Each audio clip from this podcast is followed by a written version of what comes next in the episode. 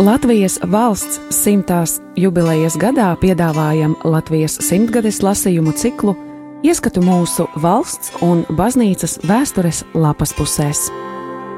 Julians Vaivots Septiņi mēneši Liepājas cietoksnī. No 1944.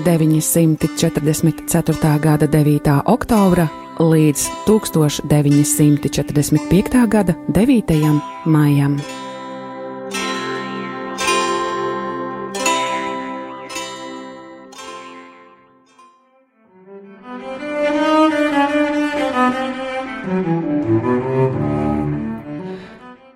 1945. gada 17. marta vakarā. Kādā latīņu hrestomātijā Triocinium lingve latīne Varslāvijē 1873. gads ir ievietota sekojoša fabula - putni un bezdelīga. Putni sanākuši kopā un vērojuši, kā zemnieks sējas linus tīrumā kad pārējie putnu zemnieka darbu uzskatījuši par vienkāršu cilvēka niekošanos, bezdalīga paredzējusi briesmas, kādas putniem no šī darba var draudēt. Tāpēc viņa aicinājusi visus putnus kopīgiem spēkiem izlasīt no zemes sēklu, pirms tā sāk dīgt.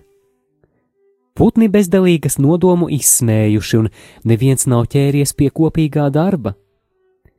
Kad līnija jau sadīguši, bezdalīga vēlreiz atkārtojusi savu priekšlikumu, tagad skaidri norādīdama, ka briesmas putniem neizbēgamas, ja linus tādus neizravēs laikus, jo no liniem tiek gatavoti tīkli putnu ķeršanai. Arī šoreiz pārējie putni tikai pasmējušies par bezdalīgas pareģojumu, un šim gudrajam viņas padomam nav sekojuši. Tāpēc bezdalīga norobežojusies no saviem cilts brāļiem un māsām, sākusi savas likstas taisīt māju pažobelēs un dzīvot saurupu dzīvi. Zemnieks pa to laiku no saviem liniem pagatavojis tīklus un tanīs saķēris pārējos putnus, kuri meklējuši barību pa viņa laukiem. Kaut kas līdzīgs putnu muļķībai vērojams pie mūslaiku Eiropas tautām. Viltīgais zemnieks savus linus sēja jau vairāk nekā 25 gadus, un ar katru gadu vairojas viņa tīklu skaits un to stiprums. Daudzas putnu šķiras jau sen tikušas tīklos, un viņu liktenis izšķirts. Citas sākumā pat ķērušās pie linu asnu ravēšanas kopā ar gudro bezdelīgu, bet darbs drīz apnicis vai izlicies par smagu un atstājušas bezdelīgu vienu pašu. Šī tauta bezdelīga gan vēl cīnās ar savu pretinieku, bet ja viņa izdarītu tāpat kā tanī pasakā un saliktos ar zemnieku uz vienu roku, tad noteikti visiem pārējiem putniem būtu beigas uz visiem laikiem. Beigas būs visiem arī tādā gadījumā, ja bezdelīga cīņu turpinādama aizies bojā. Bet ja bezdelīga tiks galā ar savu pretinieku, tad katrā ziņā viņa savā uzvaras pārākumā no bezdarbīgajiem putniem mācēs norobežoties un dzīvot savu īpatnēju dzīvi, atstādama pārgudros ciltsbrāļus un māsas viltīgam zemniekam par garšīgu barību.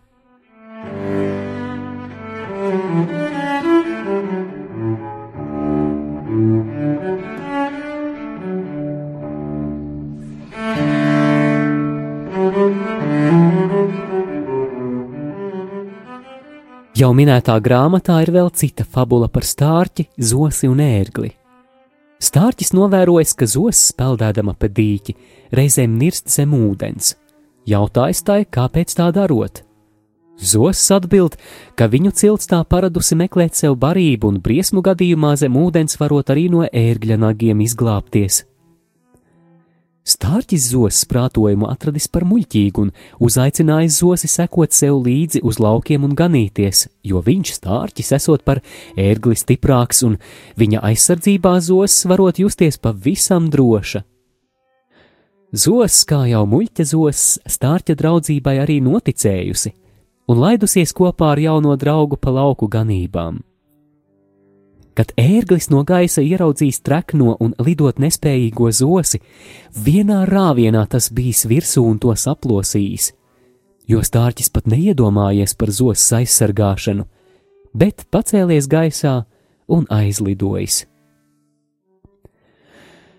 Arī šīs fabulas varonei līdzīgas izrādījušās vairākas Eiropas tautas. Viņas kā muļķa zosis atstāja savus dīķus un laidās pa svešiem laukiem ganīties lielīgā stārķa aizsardzībā, un tāpat krita par upuri no stārķa par vāju izdaudzinātajam ērglim. Šodien zosis labprāt plunčātos pa saviem dīķiem un purviem, kā viņu senčiem bija parasts.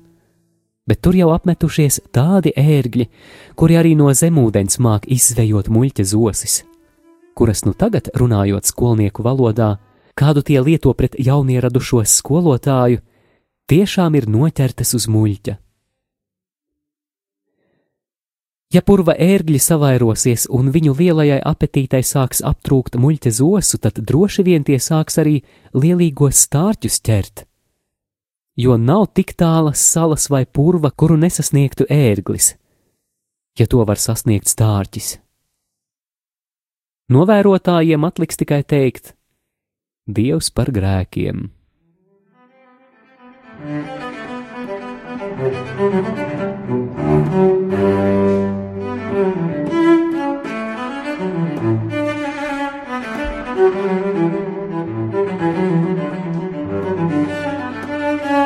Thank you.